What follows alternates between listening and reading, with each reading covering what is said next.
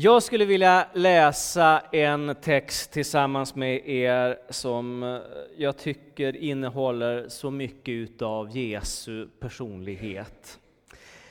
Och det är texten ifrån Johannes, det fjärde kapitlet och ifrån vers 4 läser jag. Texten som handlar om det här mötet mellan Jesus och den här kvinnan vid brunnen i Sykar. Han måste ta vägen genom Samarien och kom där till en stad som heter Sykar, inte långt från den mark som Jakob gav sin son Josef. Där fanns Jakobs källa. Jesus som var trött efter vandringen satte sig ner vid källan. Det var mitt på dagen. En samarisk kvinna kom för att hämta vatten. Jesus sa till henne, ge mig något att dricka. Lärjungarna hade nämligen gått bort till staden för att köpa mat. Samariskan sade, hur kan du som är jude be mig om vatten? Jag är ju en samarisk kvinna. Judarna vill inte ha något med samarierna att göra. Jesus svarade henne, om du visste vad Gud har att ge och vem det är som säger till dig, ge mig något att dricka, så skulle du ha bett honom och han skulle ha gett dig levande vatten. Kvinnan sade, Herre, du har inget att hämta upp det med och brunnen är djup. Varifrån tar du då det levande vattnet? Skulle du vara större än vår fader Jakob som gav oss brunnen och själv drack ur den, liksom hans söner och boskap? Jesus svarade, den som dricker det vattnet blir törstig igen. Men den som dricker av det vatten jag ger honom blir aldrig mer törstig. Det vatten jag ger blir en källa i honom med ett flöde som ger evigt liv. Kvinnan sa till honom, Herre, ge mig det vattnet så att jag aldrig blir törstig och be behöver gå hit efter vatten. Jesus sa, gå och hämta din man. Kvinnan svarade, jag har ingen man.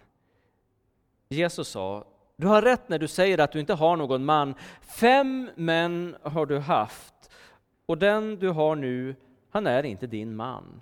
Där talade du sanning. Kvinnan sade, Herre, jag ser att du är en profet.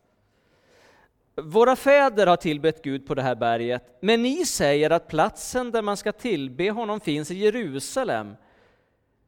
Jesus sade, tro mig kvinna, den tid kommer då det varken är på det här berget eller i Jerusalem ni ska tillbe Fadern. Ni tillber det som ni inte känner till, vi tillber det vi känner till eftersom frälsningen kommer från judarna. Men den tid kommer, ja, den är redan här då alla sanna gudstillbedjare ska tillbe Fadern i ande och sanning. Ty så vill Fadern att man ska tillbe honom. Gud är ande, och det som tillber honom måste tillbe i ande och sanning.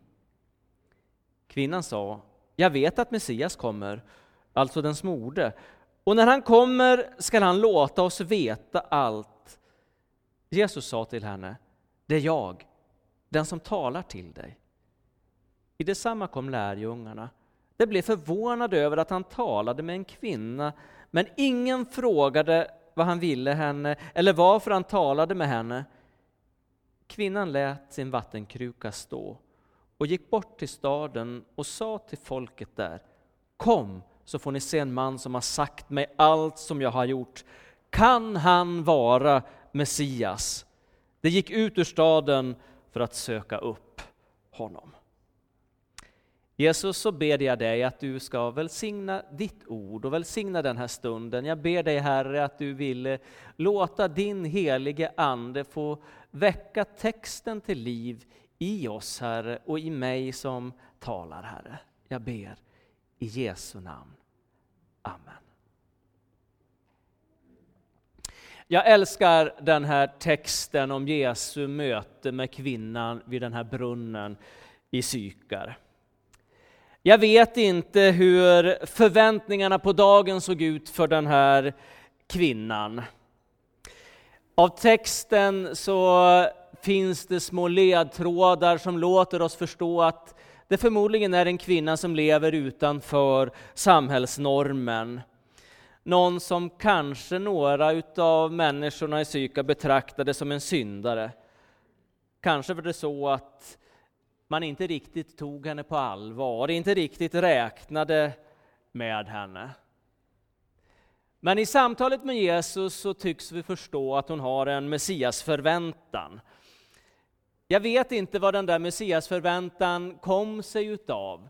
Kanske var det så att eh, hennes liv blev på något sätt ett liv i utsatthet.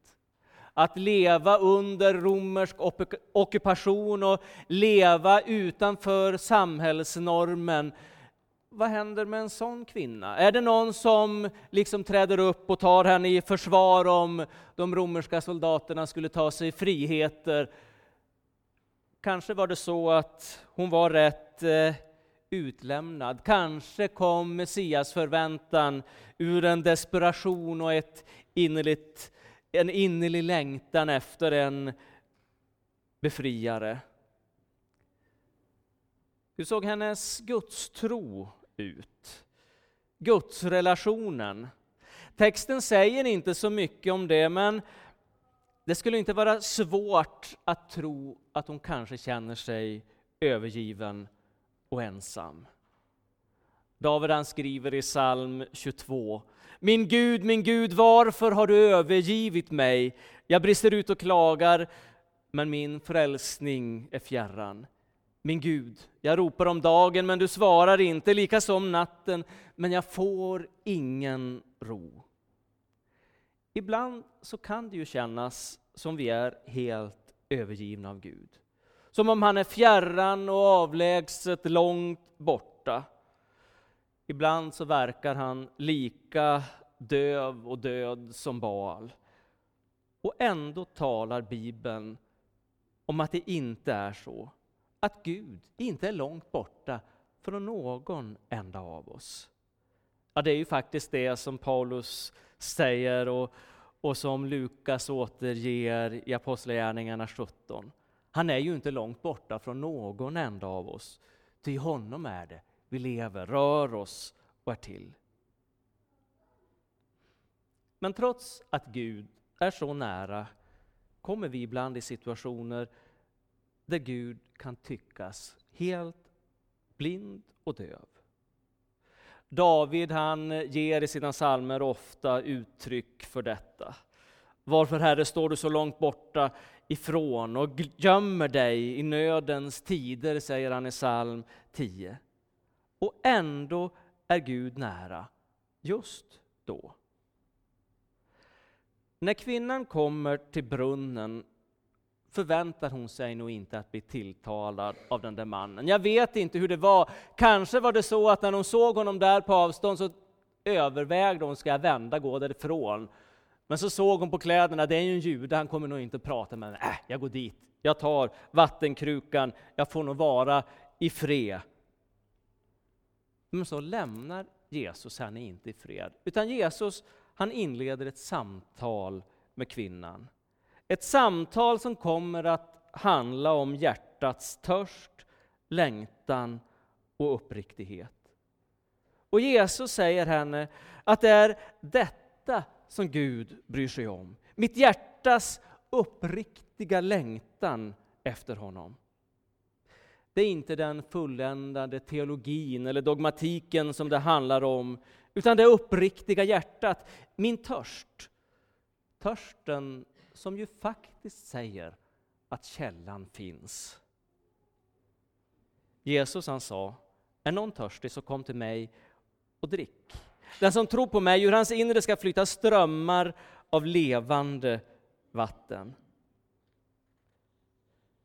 Det är lätt att man lever med fördömelse i sitt liv. Fördömelse som kan komma både utifrån men också inifrån. Jag tror att det kanske var så för den här kvinnan. Oavsett hur våra liv ser ut så vill Gud möta vår inre törst. Min övertygelse är den att Gud står på varje människas sida. En sanning som kanske inte kyrkan genom hela sin historia alltid har lyckats att förmedla. Redan lärjungarna brottades ju med detta. Lukas berättar i sitt evangelium om två olika tillfällen när lärjungarna bråkar. Ja, det står faktiskt så. De bråkar med varandra om vem som är den främste och förnämste. Vad lätt det är att hamna i situationer där vi tänker att Gud står nog lite mer på min sida än på den där kanaljens sida. Vad lätt det är när jag vill sätta upp den där friggeboden alldeles vid tomtgränsen och grannen motsätter sig det. Visst måste det väl ändå vara så att Gud, han måste ju stå mer på min sida. Han måste ju förstå att grannen är fullständigt oresonlig. Är det inte så? Och hur är det med syndarna? Står inte Gud lite mer på helgonens sida än på syndarnas sida? Nej, det gör han ju inte. För Gud står på varje människas sida. Jag tycker att berättelsen om kvinnan vid Sykarsbrunn talar om just detta. Som människor så tänker vi ibland att Gud står mer på vissa människors sidor än på andra människors sidor. De som har liksom det yttre och de som har, liksom kan föra sig och, och uppträda på ett korrekt sätt. Så tänker vi att de lyssnar nog Gud mer på. Jag hade för ett antal år sedan en sån här, ja, ett, ett, ett, ett en upplevelse av att jag tyckte att Gud faktiskt talade in i, i, i hjärtat och på insidan utav mitt liv. I Arvika så har vi sedan några år startat upp ett arbete i Rumänien, i en romsk by. Eh, alldeles innan vi hade kommit igång med vårt arbete så var jag vid några tillfällen över till den här rumänska byn. Och eh, på hösten en av de här resorna så, så träffade jag på en, en familj, det var en barn en barnskara, jag kommer inte ihåg, det var de 28 barn och äldsta äldsta stora syster Esmeralda på tre, 13 år, hon blir liksom mamma för de här barnen. Pappan är död och mamman hon har dragit till Sverige för att tigga pengar. Vintern närmar sig och jag förstår att det här kommer att bli kämpigt för de här. Och jag tänkte att när jag kommer hem så ska jag skicka, jag ska försöka samla ihop lite kläder och lite grejer och skicka. Men eh, när jag började att undersöka det där med posten så inser jag ju att det kommer att bli så vansinnigt dyrt att skicka det där paketet, så det är ju ren kapitalförstöring att skicka ett paket till Rumänien. Då är det bättre i så fall att samla pengar helt enkelt och, och, och på något sätt försöka förmedla till de här barnen. Och jag, jag hittade, jag fick kontakt med en rumänsk pastor som har blivit min goda vän Cornell och hans danska fru Dorte som bodde några mil bort. Eh, och jag fick kontakt och pratade med dem och de lovade att om jag skickar pengar så ska de köpa mat och kläder och så ska de åka till, till den här byn. Och, och så gör de det. Och det här är i slutet av november. Så kommer de till den här byn eh, och situationen är usel för de här barnen. De bor i en, en litet sånt här lerhus som människorna bor Ni har säkert sett de här dokumentärerna på TV. Eh, spisen är trasig, det är minusgrader ute. Eh, bara någon vecka senare så kommer den första snön. Och så skickar Dorte och Cornell bilder på de här barnen där de står sönderfrusna i några sommarsandaler och, och en av de här småflickorna på sex år, hon har en liten sommarklänning på sig och man verkligen ser hur kall hon är. Och jag tänker att det här kommer aldrig att gå. Det, de, de överlever inte vintern. Och mina goda vänner Cornell och Dorte, de är också uppriktigt bekymmer. Och så berättar Cornell att förra vintern så hade vi två av våra vänner här i stan där jag bor som, som frös ihjäl.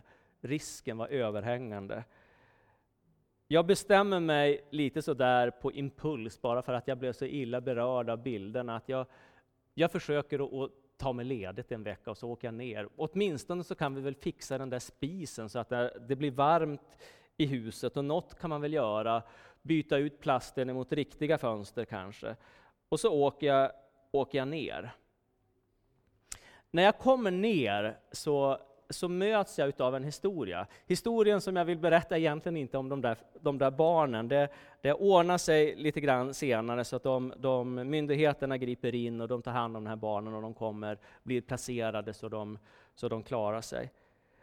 Men när Cornell och Dorte är där för att eh, fixa med det här, så tar de med sig en man som är alldeles ny i deras kyrka. Han har precis börjat gå och han kör taxi. Eh, han blir med på det här uppdraget och Dorte och Cornell de är lite sådär måna om att det här ska bli bra. I Rumänien så är eh, rasismen ganska stor mellan rumäner och, och eh, romer. Eh, och det är väldigt känsligt. Rumänerna har ofta väldigt trista attityder gentemot romerna. Eh, och Cornell som har ett väldigt gott hjärta, han var väldigt mån om att det här skulle bli en god upplevelse för, för den här vännen. Och han är med och kör taxin och de kommer med potatis och grejer. Och så har ju den här vännen en alldeles ny mobiltelefon som han har köpt. Och den här har kostat en hel del och den har varit dyr för honom att, eh, att köpa. Eh, medelinkomsten för en lärare tror jag ligger på sådär runt 3000 kronor, så ni förstår att man tjänar inte sådär jättemycket i, i Rumänien. Han hade köpt den här telefonen och så händer det där som inte får hända. Det är någon som knycker telefonen. Och när jag kommer ner den här, den här alldeles i början av december är det nu, nästan det första jag får höra när jag kommer till Rumänien, det är om den här stulna telefonen.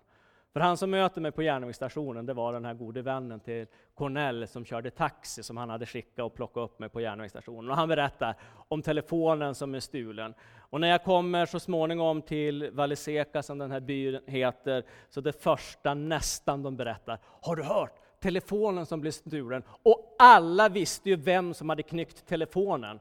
För han hade ju försökt att sälja den där telefonen till flera utav dem. Nu var det ingen som ville eh, köpa telefon. Och jag känner att jag blir så vansinnigt arg.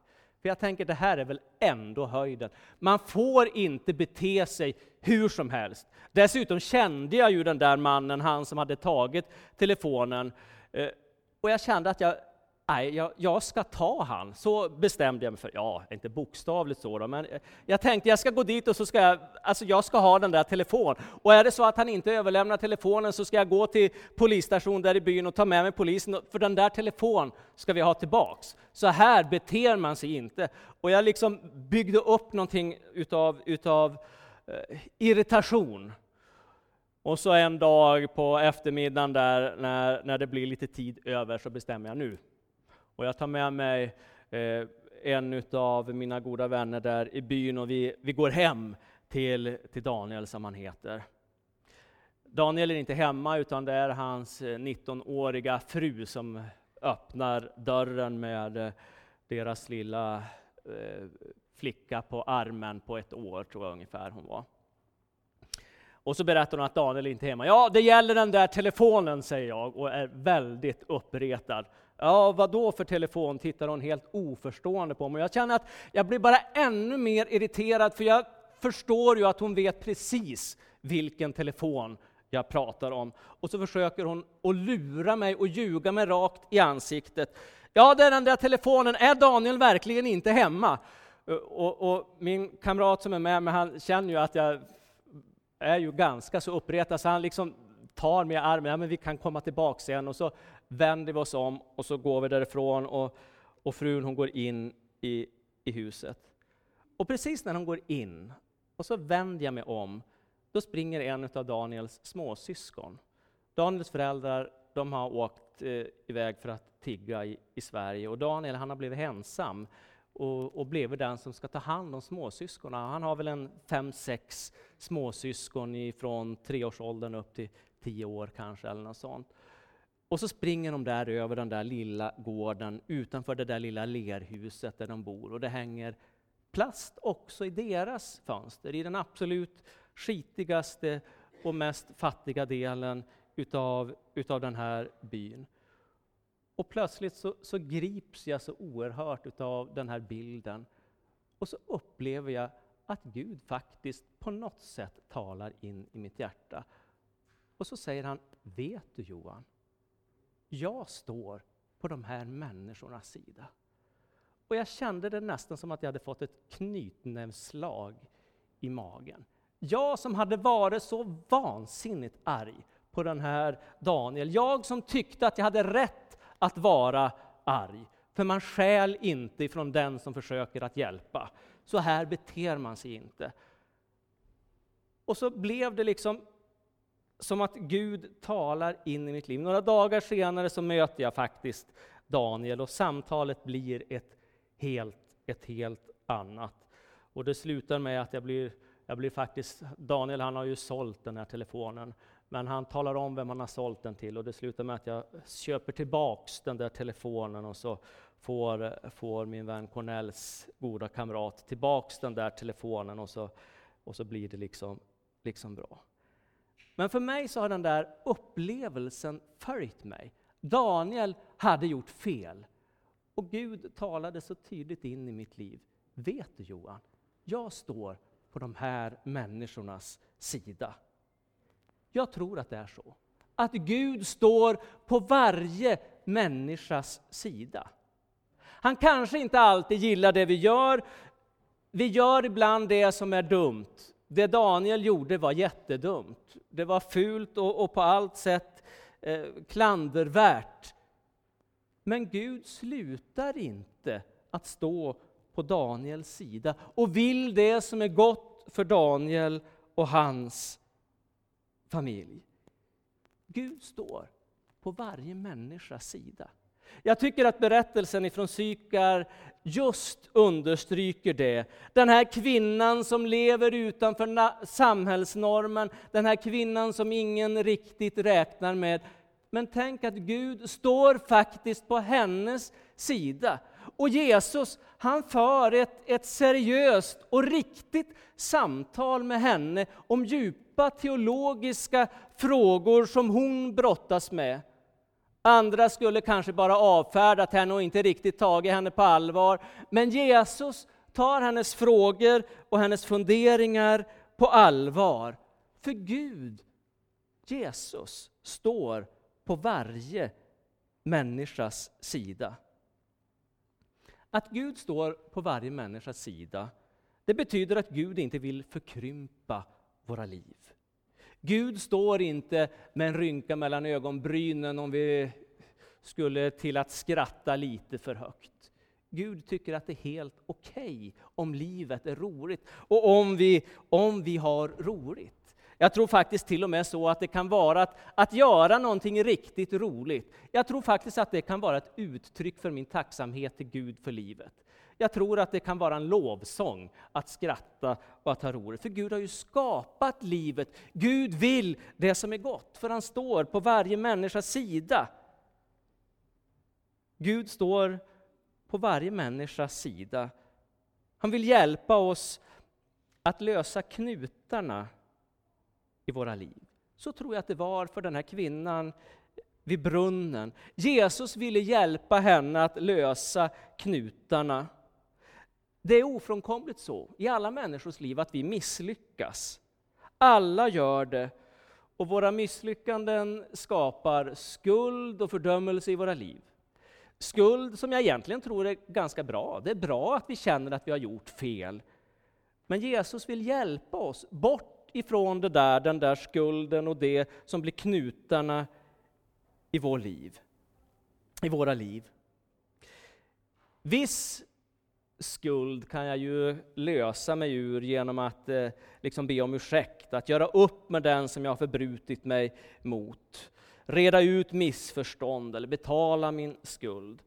Men annan skuld kan ju vara svårare att lösa sig ur. Kanske den jag förbrutit mig emot redan död. Kanske får jag inte förlåtelse. Kanske går det inte att ersätta Kanske är det inte en människa jag har förbrutit mig, mig emot, utan mer mitt eget liv. Kanske handlar min skuld om dåliga livsval. Kanske handlar min skuld om att jag borde kanske förlåta, men jag vill det faktiskt inte. Kanske är min skuld till livet och till Gud. Hur gör jag då? I psalm 130 så står det Hoppas på Herren Israel. ty hos Herren finns nåd och makten att befria. Jag älskar den där salmen för dess formuleringar. Hoppas på Herren Israel, ty hos Herren finns nåd och makten att befria. Och i Johannes första brev 1 och 8 så står det, om vi säger att vi är utan synd bedrar vi oss själva och sanningen finns inte i oss. Men om vi bekänner våra synder är han trofast och rättfärdig så att han förlåter oss synderna och renar oss från all orättfärdighet. Gud är den som skulle kunna döma mitt liv. Han ser igenom mig och jag kan ingenting dölja för honom. Så var det också för kvinnan där vid Sykars brunn. Jesus visade till och med genom att tala till henne om hennes liv. Jesus såg igenom, men Jesus vänder sig inte bort. Jag tycker det är så starkt i berättelsen ifrån när, när Jesus blir förrådd och Petrus förnekar Jesus. Just när Petrus sista gången har förnekat Jesus så står det, och Jesus vänder sig om och ser på Petrus. Han vänder sig inte bort ifrån Petrus som förnekar, han vänder sig till, han ser, Gud vänder oss inte ryggen ens i vårt misslyckande. Gud är den som skulle kunna döma, men han är den som förlåter. Så älskade Gud världen, att han gav den sin enda son, för att de som tror på honom inte skall gå under utan ha evigt liv. Ibland så handlar det också om knutar eh, som har sin grund i dålig självkänsla. Jag tror att det är ganska män, många människor som kan, kan bära på den där dåliga självkänslan. Men jag tror att i mötet med Jesus så, så sker någonting i mitt inre. Jesus ser mig för den jag är och Jesus älskar mig för den jag är och inte för det jag gör. Gud står på varje människas sida. Det är min övertygelse. Jesus säger till kvinnan vid brunnen att den som dricker av det här vattnet blir törstig igen. Men den som dricker av det vatten jag ger honom blir aldrig mer törstig. Det vatten jag ger blir en källa i honom med ett flöde som ger evigt liv. Allt det som vi fyller våra liv med har en eftersmak. Har ni märkt det? Allt det som vi fyller livet med ger liksom en, en, en känsla efteråt. Ibland så är det en bra känsla och ibland så är det en dålig känsla. Allt har inte god eftersmak. Det finns eh, ting som lämnar oss märkligt tomma och ihåliga, andra ting som ger liksom en bitter eftersmak av besvikelse och skam. Mötet med Jesus ger alltid en annan eftersmak. En eftersmak utav liv. Jesus säger att det vatten han ger blir en källa i oss, en källa med ett flöde som ger evigt liv. Min övertygelse är att Gud står på varje människas sida och att han vill fylla varje människa med liv, med mening och med innehåll. Berättelsen avslutas med några strofer som jag tycker om. Kvinnan lät sin vattenkruka stå och gick bort till staden och sade till folket där. Kom så får ni se en man som har sagt mig allt jag har gjort. Kan han vara Messias? Amen. Herre Jesus, jag tackar dig för att du är den som står på varje människas sida. Tack Jesus för att du inte väljer sidor, Herre Jesus. Tack Jesus för att du inte ens är, favoriserar den som liksom lyckas med sitt liv. Jag tackar dig Herre för att du står på varje människas sida lika mycket. Jag tackar dig Herre för att den där dagen där borta i Valleseca så stod du precis lika mycket på Daniels sida som hade tagit telefonen som på den här mannen som hade blivit av med telefonens sida, Herre.